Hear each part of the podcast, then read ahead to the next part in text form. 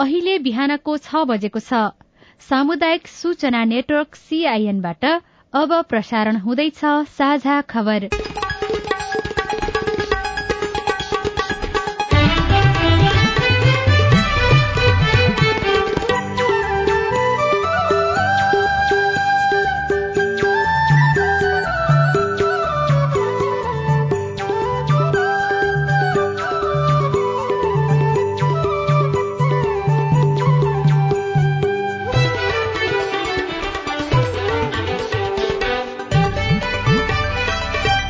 शुभ प्रभात यो सीआईएन को साझा खबर हो। उषा तामाङसँगै लील प्रकाश चन्दको तपाईँलाई स्वागत छ। सामुदायिक रेडियोबाट देशैभरि एकैसाथ प्रसारण भइरहेको साझा खबर सीआईएन खबर डट कम र मोबाइल एप सीआईएनबाट पनि सुन्न सकिन्छ।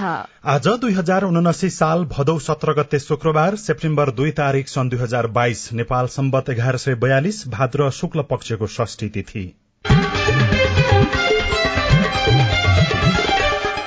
साझा खबरमा प्रमुख खबरका शीर्षकहरू। सीट बाँडफाँड बारे गठबन्धनमा एघार घण्टा निरन्तर छलफल तर सहमति जुटेन। कांग्रेस पचासी र चार दललाई अस्सीको खाकामा फेरि छलफल हुने। महाभियोग सिफारिश समितिले निलम्बित प्रधान न्यायाधीश जबरासँग फेरि बयान लिने।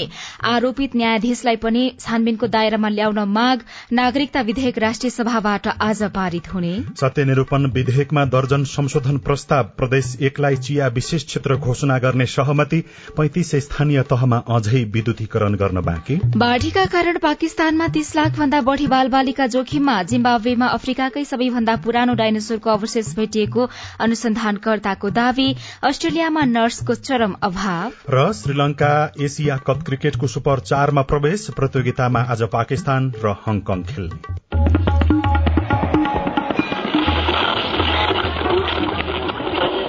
सयौं रेडियो। हजारौं रेडियो कर्मी। र करोड़ौं नेपालीको माझमा यो हो सामुदायिक सूचना नेटवर्क सीआईएन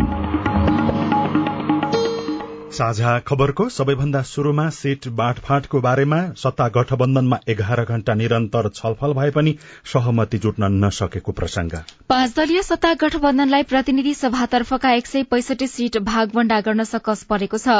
निर्णायक बैठक भनेर बिहिबार बिहान एघार बजेदेखि बसेको गठबन्धनको शीर्ष बैठक राति दस बजेसम्म चल्दा पनि सहमति हुन नसकेपछि अर्को बैठक आज बस्ने भएको छ। कांग्रेस सभापति समेत रहनुभएका प्रधानमन्त्री शेरबहादुर देउवा माओवादी केन्द्रका अध्यक्ष पुष्पकमल दाहाल एकीकृत समाजवादीका अध्यक्ष माधव कुमार नेपाल र जनता समाजवादी पार्टी जसपाका अध्यक्ष उपेन्द्र यादव कांग्रेस नेता रामचन्द्र पौडेल र कार्यदलका संयोजक कृष्ण प्रसाद सिटौला बीच बिहिबार धेरै समय संयुक्त छलफल चलेको थियो। कुनै बेला छुट्टा छुट्टै साइड बैठक समेत भएका थिए। बैठक निष्कर्षमा नपुगेपछि संचारकर्मीलाई जानकारी नगराउने भन्दै नेताहरू निस्किएका थिए। बालुवाटार उच्च स्रोतका अनुसार शीर्ष तहमा बनेको सीट बाँडफाँड खाकामा कांग्रेस सय सीट दावीबाट पछाडि हटेको छ जस अनुसार नेपाली कांग्रेसले पचासी सीट लिएर गठबन्धनका अन्य दलले अस्सी सीट भित्र बाँडफाँड गर्ने गरी खाका बनाइएको छ। बालुवाटारमा तयार पारिएको प्रारम्भिक भागबण्डाको खाका अनुसार नेकपा माओवादी केन्द्रले पैंतालिस सीट नेकपा एकीकृत समाजवादीलाई अठार सीट जसपालाई पन्ध्र र राष्ट्रिय जनमोर्चालाई दुई सीट दिने गरी प्रारम्भिक खाका तयार गरिएको छ। तर माधव नेपाल र उपेन्द्र यादव लगायतका नेताहरूले यसमा असहमति जनाएको बालुवाटार स्रोतले बताएको छ।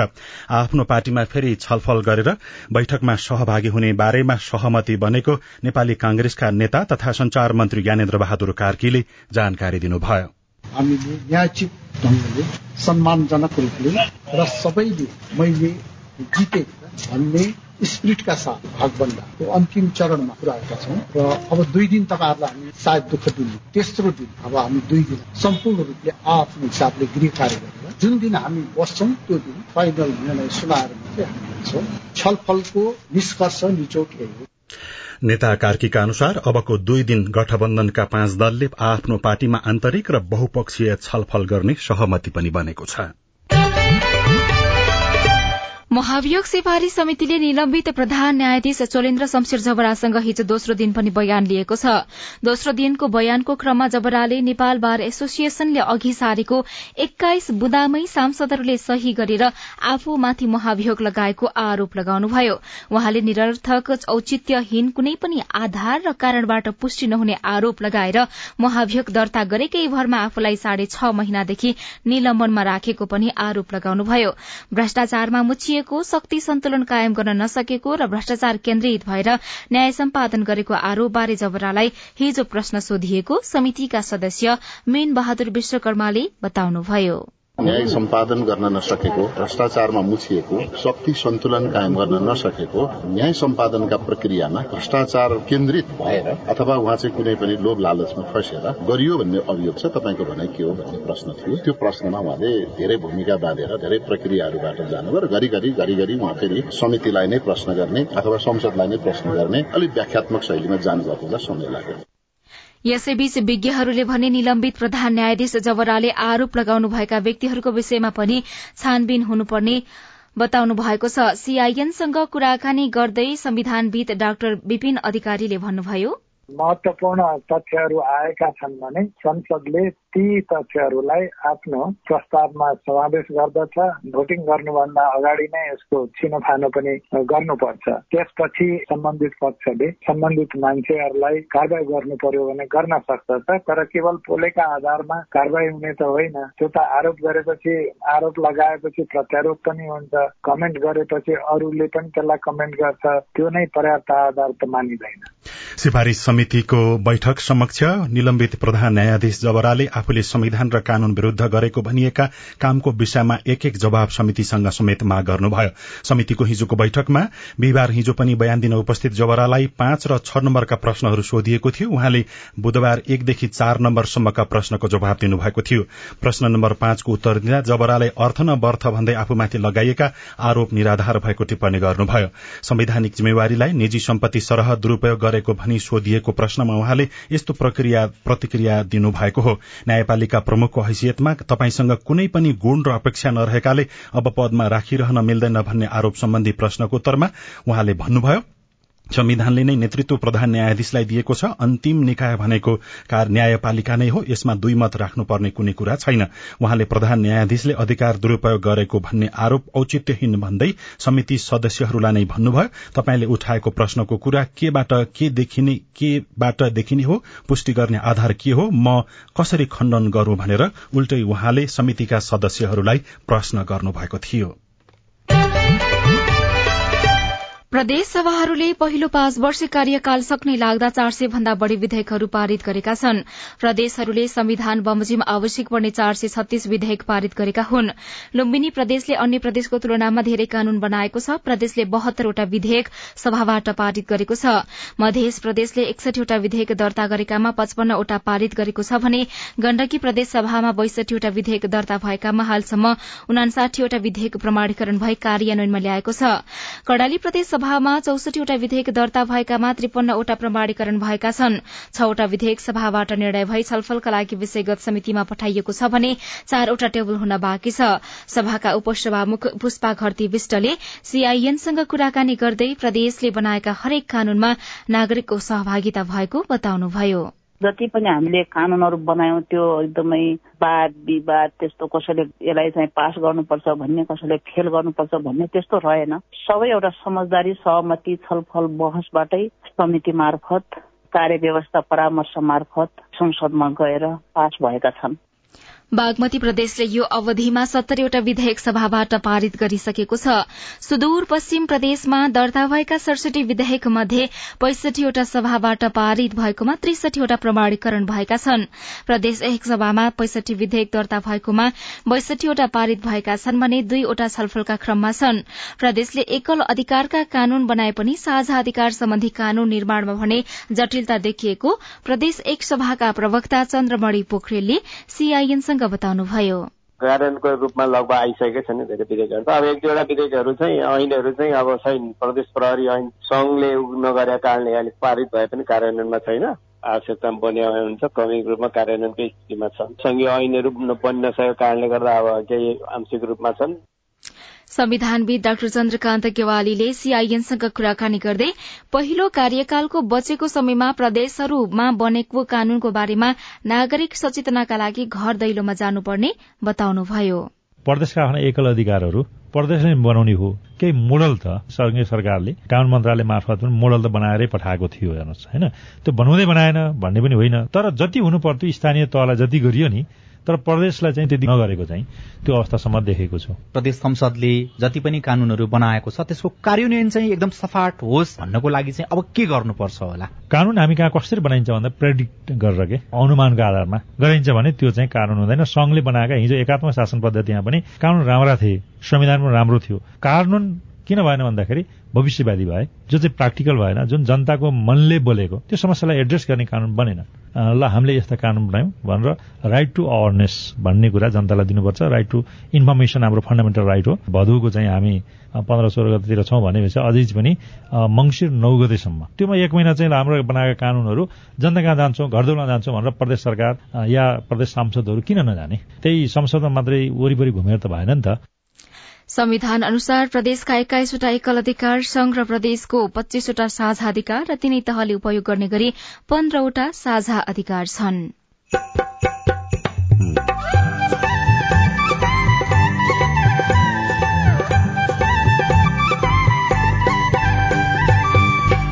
सामुदायिक सूचना नेटवर्क सीआईएन मार्फत देशभरि प्रसारण भइरहेको साझा खबरमा सबैभन्दा धेरै डेंगी फैलिएको ललितपुरमा नियन्त्रणको प्रयास। छ सात दिनमा चाहिँ ऊ चाहिँ एडल्ट भइहाल्ने होइन? तिन दिन चार दिनमा चाहिँ ऊ लार्भै भइहाल्ने। सर्च एन्ड डिस्ट्रोय हामीले चाहिँ लगभग लगभग आठ दसचोटि गरिसक्यौँ। हामीलाई पनि गाह्रो छ। सत्यनिरूपण विधेयकमा दर्जन संशोधन प्रस्ताव प्रदेश एकलाई चिया विशेष क्षेत्र घोषणा गर्ने सहमति लगायतका खबर बाँकी नै छन्। सीआईएनको साझा खबर सुन्दै गर्नुहोला। उठाउनु पर्ने आवाजहरू सदनमा उठाउनु भएको छ। तपाईँलाई धन्यवाद दिनुपर्ने हुन्छ। कानून निर्माणमा नागरिक सहभागिता सिद्धान्त र अभ्यास। पारित गरियोस् भन्ने प्रस्ताव दुई तिहाई बहुमत भन्दा बढी मतबाट पारित भएको घोषणा गर्दछु। कानून कार्यान्वयनमा सांसद र संसदको जवाफदेहिता। र जिल्लाको र समग्र मुलुकका चाहिँ सवालहरूलाई संसदमा उठाउने सवालहरूमा म आफूले सशक्त ढंगले भूमिका खेले भन्ने लाग्छ? संसदीय प्रक्रियामा जनता र सरकारवाला निकायको नजर। युवाको क्षेत्रमा त्यति धेरै काम भएको छैन। युवालाई चाहिँ ओजरमै राखेर अहिले काम भइरहेको छ। युवाहरूलाई चाहिँ रोजगारीमा जोड्नुपर्छ भनेर अहिले केही कार्यक्रमहरू पनि सञ्चालन गरेका छौँ। जनतादेखि नेतासम्म नीतिदेखि नेतृत्वसम्म युवा सीमान्तकृत वर्ग जाति अल्पसंख्यकका सवालहरू। जनताको कुरा राख्ने ठाउँ संसदै हो। हामी कार्यपालिका होइन व्यवस्थापिका हो नीति निर्माण गर्ने हो। अब सवाल मात्रै होइन जवाबसँगै देखिन्छ प्रभाव पनि। कार्यक्रम हेलो सांसद सीआईएन मार्फत मुलुकभरका सामुदायिक रेडियोमा हरेक बिहिबार बेलुकाको साझा खबरमा र भोलिपल्ट शुक्रबार बिहान साढे छ बजे कार्यक्रम हेलो सांसद सीआईएन को फेसबुक पेज र युट्युब च्यानलमा सांकेतिक भाषामा पनि हेर्न सक्नुहुनेछ। सामाजिक रूपान्तरणका लागि यो हो सामुदायिक सूचना नेटवर्क सीआईएन तपाई अहिले देशभरिका सामुदायिक रेडियो सीआईएन खबर डट कम र मोबाइल एप सीआईएनबाट एकैसाथ साझा खबर सुन्दै हुनुहुन्छ। अब बाँकी खबर। नेपालमा भिसा सकिएका झण्डै चार हजार विदेशी नागरिक गैर कानूनी रूपमा बसोबास गरिरहेको पाइएको छ। अध्यागमन विभागका अनुसार भिसा सकिएका तीन हजार आठ सय अडतीस जना विदेशी नागरिक गैर कानूनी रूपमा नेपालमा बसोबास गरिरहेका छन्। तर उनीहरू कहाँ कस्तो अवस्थामा र के गरेर बसिरहेका छन् भन्ने यकिन छैन। विभागका अनुसार नेपालमा भिसा सकिएर गैर कानूनी रूपमा बसोबास गरिरहेका विदेश नागरिकको अनुगमन हुन नसक्दा चुनौती थपिएको हो। विभागका निर्देशक तथा सूचना अधिकारी अञ्जन नेउपानेले सीआईएनसँग कुराकानी गर्दै भन्नुभयो।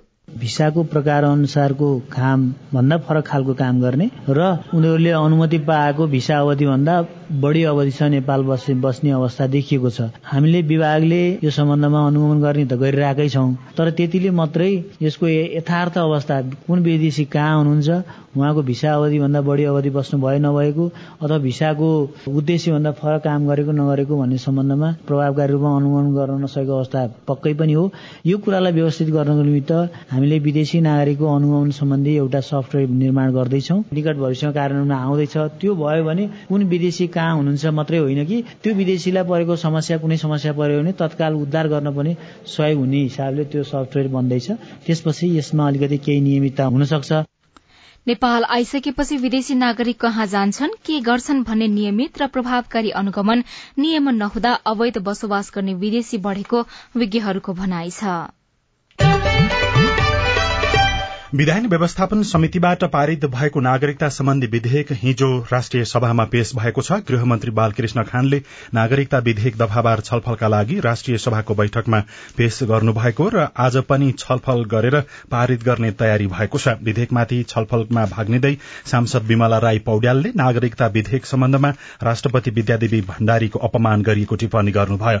राष्ट्रपतिले विधेयक फिर्ता गर्दा पठाएको सन्देश संसदमा टेबल नहुँदै गठबन्धनका नेताहरूले हुबहु विधेयक पारित गर्ने निर्णय गरेकोमा उहाँले आपत्ति समेत जनाउनुभयो। राष्ट्रिय सभाबाट पनि पारित भएपछि विधेयक राष्ट्रपति समक्ष प्रमाणीकरणका लागि फेरि पठाइनेछ। अब आज काठमाण्डुबाट प्रकाशित पत्र पत्रिकाको खबर।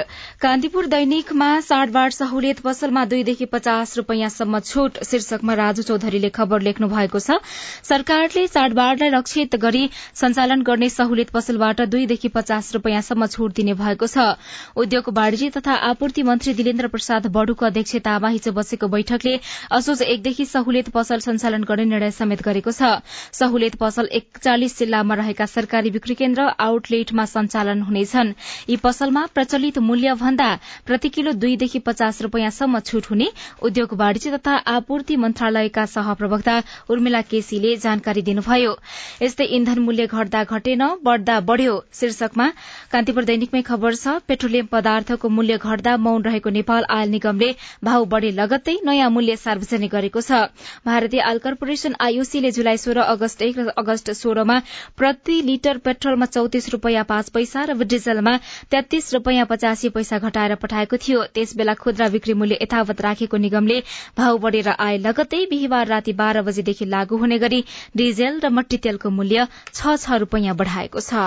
सत्यनिरूपण विधेयकमा दर्जन भन्दा बढ़ी संशोधन प्रस्ताव दर्ता भएको र प्रदेश एकलाई चिया विशेष क्षेत्र घोषणा गर्ने सहमति बनेको खबर पनि पत्र पत्रिकाहरूमा छ। नयाँ पत्रिका दैनिकको भित्री पन्नामा निर्वाचन क्षेत्रमा ओलीले बढ़ाए सक्रियता पछिल्लो एक महिनामा तेस्रो पटक पुगे गृह जिल्ला शीर्षकमा झापाबाट चिरञ्जीवी घिमिरेले लेख्नु भएको छ भने ओली शेखर दुई घण्टा वार्तालाप शीर्षकमा अर्को खबर छ। कांग्रेसमा संस्थापन इतर समूहको नेतृत्व गरिरहेका नेता डाक्टर शेखर कोइरालाले एमाले अध्यक्ष केपी ओलीसँग भेटवार्ता गर्नुभएको छ। हिजो बालकोट स्थित निवासमा पुगेर कोइरालाले ओलीसँग दुई घण्टा छलफल गर्नुभयो। कोइरालासँगको भेटवार्तापछि ओली गृह जिल्ला झापा प्रस्थान गर्नुभएको थियो। दुई नेता बीचको छलफलका विषयवस्तु भने अहिलेसम्म पनि सार्वजनिक गरिएको छैन। त्यसै गरी पछिल्लो समयमा केही स्थानीय तहमा अझै पनि विद्युतीकरणको काम बाँकी नै रहेको खबर आजका पत्र पत्रिकाहरूमा छ। त्यसै गरी निर्वाचन क्षेत्रमा सबै नेताहरू पुग्ने क्रम बढ़ेको खबर पनि पत्र पत्रिकाहरूमा छापिएको छ। आगामी चार मंगिरको निर्वाचनमा स्वतन्त्र उम्मेद्वारीको तयारीमा रहेको समूहले स्वतन्त्र तथा वैकल्पिक शक्तिको लौरो अभियान घोषणा गरेको छ। स्वतन्त्रबाट उम्मेद्वारी दिने तयारीमा रहेको एउटा समूहले हिजो ललितपुर स्थित एउटा गार्डनमा अभियानको घोषणा गरेको हो। गोर्खापत्र दैनिकमा हटाइँदै डिजिटल होर्डिङ बोर्ड शीर्षकमा सूर्य प्रसाद पाण्डे खबर लेख्नुहुन्छ। महानगरपालिकाले त्रिपुरेश्वर स्थित युनाइटेड वर्ल्ड ट्रेड सेन्टर तथा कोटेश्वर चोकमा राखिएका बोर्ड पनि बन्द गराएको छ। सेवा अनलाइनको सर्भर दस सेकेण्डमै बन्द शीर्षकमा चाँदनी हमालले अर्को खबर लेख्नु भएको छ। बिहिबार अनलाइन फारम भर्न खुलेको राहदानी विभागको सर्भर दस सेकेण्ड जति मात्र चल्यो। दस सेकेण्डमा नै तोकिएको कोटा पूरा हुने संख्यामा आवेदन आएपछि सर्भर बन्द भएको हो। राहदानी लिनका लागि आवेदकले फारम भर्न अनलाइनको सुविधा छ तर व्यवहारमा भने त्यो कार्यान्वयनमा आउन सकेको छैन। त्यसै गरी समयमा विभागको सर्भरले धान्न सक्ने भन्दा फारम भर्नेको माग उच्च हुने गरेको छ। पूर्व पश्चिम राजमार्ग विस्तारमा न्यून प्रगति शीर्षकमा विमल खतिवड़ाले खबर लेख्नु भएको छ। यो कान्तिपुर दैनिकबाट यो खबर हामीले लिएका हौं। पूर्व पश्चिम राजमार्ग विस्तार अन्तर्गत हालसम्म ठेक्का लागेका सड़क खण्डको म्याद सकिए पनि प्रगति छैन। राजमार्गको कञ्चनपुर कमला र नारायणगढ़ बुटवल खण्डको मात्र ठेक्का भएको सड़क विभागले जनाएको छ दुवै ठेक्काको प्रगति ज्यादै न्यून छ। नागरिक दैनिकको भित्री पन्नामा बिजुली पैंतिस स्थानीय तहमा छैन शीर्षकमा खबर छ। नेपालका सात सय त्रिपन्नवटा स्थानीय तह मध्ये अहिलेसम्म पैंतिस स्थानीय तहमा विद्युतीकरण हुन सकेको छैन। नेपाल विद्युत प्राधिकरणका अनुसार पैंतिस स्थानीय तहमा प्राधिकरणको बिजुलीको पहुँच पुग्न नसकेको हो। चार सय छिहत्तर स्थानीय तह पूर्ण विद्युतीकरण भएका छन्। साझा खबरमा अब हेलो सीआईएन सजना तिमल सिन्हाबाट। हेलो नमस्ते। म कपुरकोट गाउँपालिका दुई सिमलकुना सल्यानबाट म पहिला मलेसिया गएको बेला दुईवटा औँला काटिएको छ। अहिले फेरि अर्कोचोटि जाउँ कि भन्ने सोचमा त छु। दसवटा फिङ्गर लिन्छ भन्ने यो जानकारी त सुनिएको छ। जान मिल्छ कि मिल्दैन? तपाईँको प्रश्न सुनेपछि वैदेशिक रोजगार कार्यालय काठमाडौँका प्रमुख रमेश अरियालको जवाब छ। यसमा यो मलेसिया विदेश जानुभन्दा अगाडि हाम्रो यो तुर्कीको स्वास्थ्य शास्त्रमा मेडिकल परीक्षण अथवा स्वास्थ्य परीक्षण गर्छौँ। मलाई लाग्छ मलेसियाको हकमा अब दुईटा औँला नभइसकेपछि उहाँलाई जान त्यति यदि सजिलो हुँदैन जस्तो लाग्छ एउटा कुरो। मेडिकलले पनि उहाँलाई अब पास गराउँदैन। दोस्रो कुरो चाहिँ अनि औँलामा केही समस्या भएर फिर्ता पनि हुनुभएको छ। त्यस कारणले गर्दा अब उहाँको हकमा जान समस्या हुन्छ कि जस्तो मलाई लाग्छ। हेलो म बैतडीबाट मेलौली नगरपालिका वडा नम्बर दुईबाट बोलिरहेको छु। टेक बहादुर चन्द बोलिरहेको छु। मैले असार बाइस गते जिल्ला राजधानी विभागमा त्यो राजधानी बनाउनको लागि आफ्ना डकुमेन्टहरू पेश गरेर त्यो सबै कारवाही गरेका थिएँ। के समस्याको कारणले त्यो मेरो राजधानी अहिलेसम्म नआएको छ? त्यसको जवाब पाए आभारी हुने थिए। धन्यवाद। तपाईँको जिज्ञासामा जिल्ला प्रशासन कार्यालय बैतडीका सूचना अधिकारी खगेन्द्र भारती भन्नुहुन्छ। उहाँहरूले चाहिँ राष्ट्रिय परिचय पत्र बनाएको हुन्छ।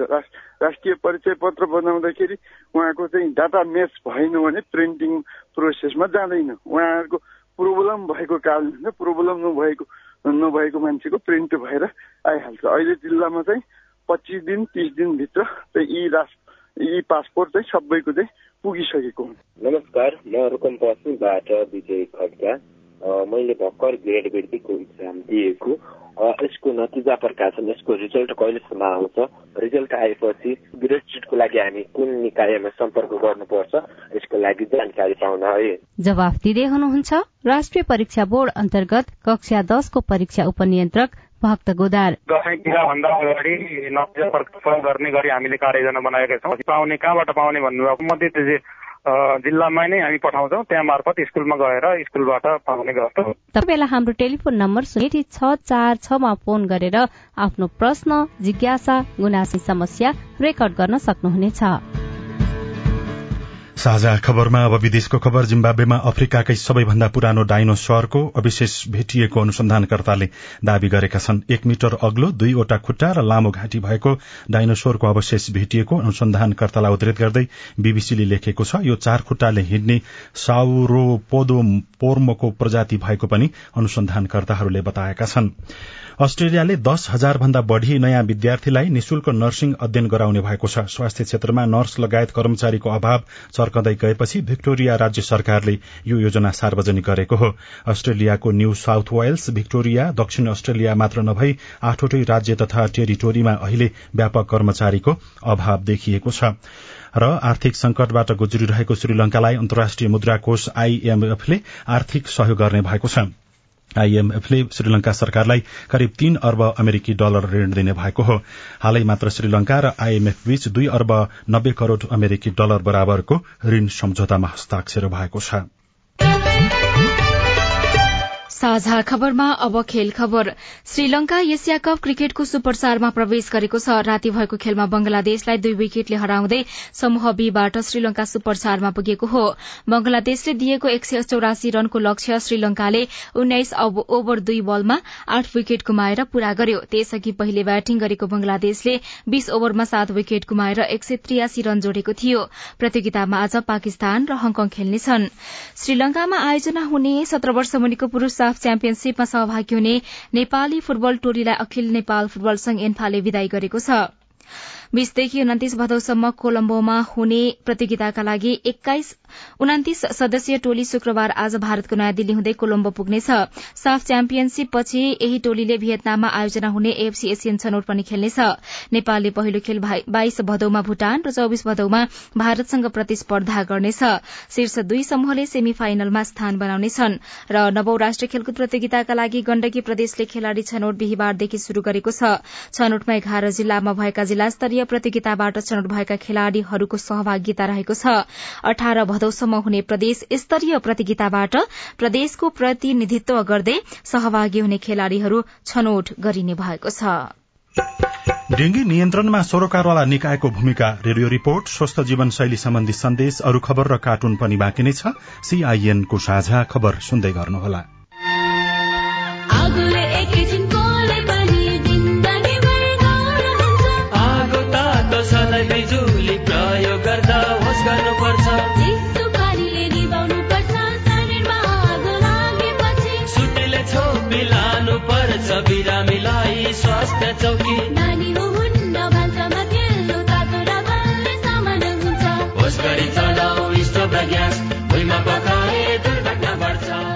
अग्निजन्य दुर्घटना भएमा शून्य एक पचपन्न पचपन्न छ आठ नौमा सम्पर्क गर्नुहोस्। बीबीएस नेपाल ललितपुर। सामाजिक रूपान्तरणका लागि यो हो सामुदायिक सूचना नेटवर्क सीआईएन साझा खबरमा अब डेंगीको बढ़दो संक्रमण। स्वास्थ्य सेवा विभाग अन्तर्गतको इपिडिमियोलोजी तथा रोग नियन्त्रण महाशाखाका अनुसार साउनेता नेपालमा डेंगीका तीन हजार दुई सय सत्ताइस बिरामी छन्। सबैभन्दा बढ़ी संक्रमित ललितपुरमा छन्। स्वास्थ्य कार्यालय ललितपुरले संक्रमण रोक्नका लागि स्वास्थ्य कर्मी परिचालन गरेको छ तर विज्ञहरू हरेक व्यक्ति सचेत हुनुपर्नेमा जोड़ दिन्छन्। ललितपुरमा बस्दै आएका बागलुङका दुई किशोरीमा गत असार दोस्रो साता पहिलो पटक डेंगी पुष्टि भएको थियो। त्यसयता दुई महिनाको अवधिमा ललितपुर उपमहानगरमा मात्रै तेह्र सय भन्दा धेरै व्यक्तिमा डेंगी पुष्टि भइसकेको छ। हिजोदेखि ज्वरो आउँदा एकदमै जाडो हुने। यही दबाई खाने अरू खानु पर्दैन है। अनि एउटा जाँच लेखिदिनु त्यो आएर चाहिँ आइतबार गर्नु होला है। लगनखेल स्थित पाटन अस्पतालमा साउन यता मात्रै सात सय भन्दा धेरै डेंगीका बिरामी उपचारका लागि पुगेका छन्। टाउको गर्गो हुने होइन आँखाको गेडी दुख्ने ज्यान एकदम शिथिल हुने होइन। अहिले डेंगू देखियो। ललितपुरमा सबैभन्दा धेरै डेंगीको संक्रमण फैलिएपछि महानगरले पनि विश्लेषण गरिरहेको बताउनुहुन्छ dengue focal person Dilli Sher KC. यो पानी चाहिँ जताततै परिदियो। यो चाहिँ थोरै थोरै पानीहरूमा यो चाहिँ छिटो उत्पादन हुने छ सात दिनमा चाहिँ ऊ चाहिँ एडल्ट भइहाल्ने होइन? अब तिन दिन चार दिनमा चाहिँ ऊ लार्भै भइहाल्ने। यो कारणले गर्दाखेरि चाहिँ छिटो फैलियो। रेनी सिजन छ नि त। सर्च एन्ड डिस्ट्रोय हामीले चाहिँ लगभग लगभग आठ दसचोटि गरिसक्यौँ। त्यो गर्दा पनि अब हामी चाहिँ हामीलाई पनि गाह्रो छ। ललितपुर महानगरपालिकाले उन्तिसवटा वडामा छ सय त्रिचालिस स्वास्थ्य कर्मी डेंगी नियन्त्रणका लागि परिचालन गरेको छ भने खोज र नष्ट गर अभियान चलाइरहेको छ। तर पनि बिरामीहरू अस्पताल पुग्ने क्रम रोकिएको छैन। काठमाडौँको टेकुमा रहेको शुक्रराज ट्रपिकल तथा सरुवा रोग अस्पतालका डाक्टर श्रवण कुमार मण्डल। ज्वरो र यो ढाड दुख्ने अनि अलिक गाह्रो भएर आउने बिरामीको संख्या बढेको छ र त्यो मध्ये नै हामीले जाँच गराउँदा अरू रोगको अनुपातमा डेङ्गुको संख्या चाहिँ यो विगत सात दिनमा वात्तै बढेको पाइएको छ अहिले चाहिँ। कम्पेयर गर्ने हो भने लास्ट इयर भन्दा यो वर्ष डेङ्गुको बिरामीको संख्या चाहिँ बढेको नै हो। टेकु अस्पतालमा डेंगीसँग मिल्दोजुल्दो लक्षण लिएर एक साता यता दैनिक दुई सय बिरामी पुग्ने गरेका छन्। स्थानीय सरकारसँगै नागरिकको सावधानीले नै यसबाट बच्न सकिने बताउँदै इपिडिमियोलोजी तथा रोग नियन्त्रण महाशाखाका प्रमुख डाक्टर चुमन लाल दास। बिहान र बेलुकातिर अलिकति साँझ साँझतिर टोक्ने भएकोले त्यति बेला यसबाट बच्नको लागि घरभित्र छ भने जाली लगाउनु पर्यो अर्को बाहिर हुँदा पनि फुल बाउला भएका लुगाहरू पनि लगाउनु पर्यो। यो प्रोटेक्सन त गर्नै पर्छ। अर्को रिपेलेन्टहरू पनि भन्छौँ अब ती पनि लगाउने हो। तर धेरै जसो भनेको त बाहिर बस्दाखेरि फुल बाउला लगाएर नै के हुन्छ बस्नुपर्छ टोकाइबाट बच्नको लागि। ज्वरो आउने आँखा रातो हुने र दुख्ने टाउको पेट जोर्नी र मांसपेशी दुख्ने आलस्य हुने जस्ता लक्षण डेंगीका बिरामीमा देखिन्छ। पानी जम्ने जुनसुकै स्थानमा पनि डेंगी सार्ने एडिस प्रजातिको लामखुट्टे सजिलै हुर्कन सक्ने भएकाले त्यस्ता खाल्डाखुल्डी पुर्नुपर्छ। बिरामीको नाक गिजा दिशा लगायतमा रगत देखिएमा भने तत्काल स्वास्थ्य संस्थामा सम्पर्क गर्नुपर्ने चिकित्सकहरू बताउँछन्। अविनाश आचार्य सीआईएन काठमाडौँ। रिपोर्टसँगै हामी साझा खबरको अन्त्यमा आइपुगेका छौं। सामुदायिक रेडियो प्रसारक संघद्वारा संचालित सीआईएनको बिहान छ बजेको साझा खबर सक्नु अघि मुख्य मुख्य खबर फेरि एकपटक। सीट बाँडफाँड बारे गठबन्धनमा एघार घण्टा निरन्तर छलफल तर सहमति जुटेन। कांग्रेस पचासी र चार दललाई अस्सीको खाकामा फेरि छलफल हुने। महाभियोग सिफारिश समितिले निलम्बित प्रधान न्यायाधीश जबरासँग फेरि बयान लिने आरोपित न्यायाधीशलाई पनि छानबिनको दायरामा ल्याउन माग। नागरिकता विधेयक राष्ट्रिय सभाबाट आज पारित गर्ने तयारी। सत्यनिर्भर विधेयकमा दर्जन संशोधन प्रस्ताव। प्रदेश एकलाई चिया विशेष क्षेत्र घोषणा गर्ने सहमति। पैंतिस स्थानीय तहमा अझै विद्युतीकरण गर्न बाँकी। बाढ़ीका कारण पाकिस्तानमा तीस लाख भन्दा बढ़ी बाल बालिका जोखिममा चिम्बावेमा अफ्रिकाकै सबैभन्दा पुरानो डाइनोसरको अवशेष भेटिएको अनुसन्धानकर्ताको दावी। र श्रीलंका एसिया कप क्रिकेटको सुपर चारमा प्रवेश प्रतियोगितामा आज पाकिस्तान र हङकङ खेल्ने। साझा खबरको अन्त्यमा कार्टुन कार्टुन हामीले पहिलो पोस्ट डट कमको अनलाइन संस्करणबाट लिएका छौं। रविन्द्र बनाउनु भएको यो कार्टुन हो। व्यङ्ग्य गर्न खोजिएको छ। संसदमा सांसदहरू जाँदैनन् तर जति जान्छन् ती पनि घुरेरै बस्ने गरेको भन्ने विषयमा व्यङ्ग्य गर्न खोजिएको छ। सबै कुर्सीहरू खाली छन् तर अगाडिपट्टि एकजना सांसदले पछाडिपट्टि फर्केर केही झसङ्ग झस्केको जस्तो देखाइएको छ। पछाडिपट्टिका सांसद केही बोलेको जस्तो देखाइएको छ। माथि चाहिँ यस्तो लेखिएको छ हत्तेरी मान्यज्यू संसदमै घुरेर सोधिदिने भने अरूको निद्रा बिग्रन्छ भनेर विचार गर्नु पर्दैन। हवस् त प्राविधिक साथी सुनिल राज भारतलाई धन्यवाद। अहिलेलाई लील प्रकाश चन्द र उषा तामाङ विदा भयौं। तपाईँको आजको दिन शुभ होस्। नमस्कार। यसपछि देशभरिका सामुदायिक रेडियोबाट कार्यक्रम हेलो सांसद प्रसारण हुनेछ। सुन्ने प्रयास गर्नुहोला।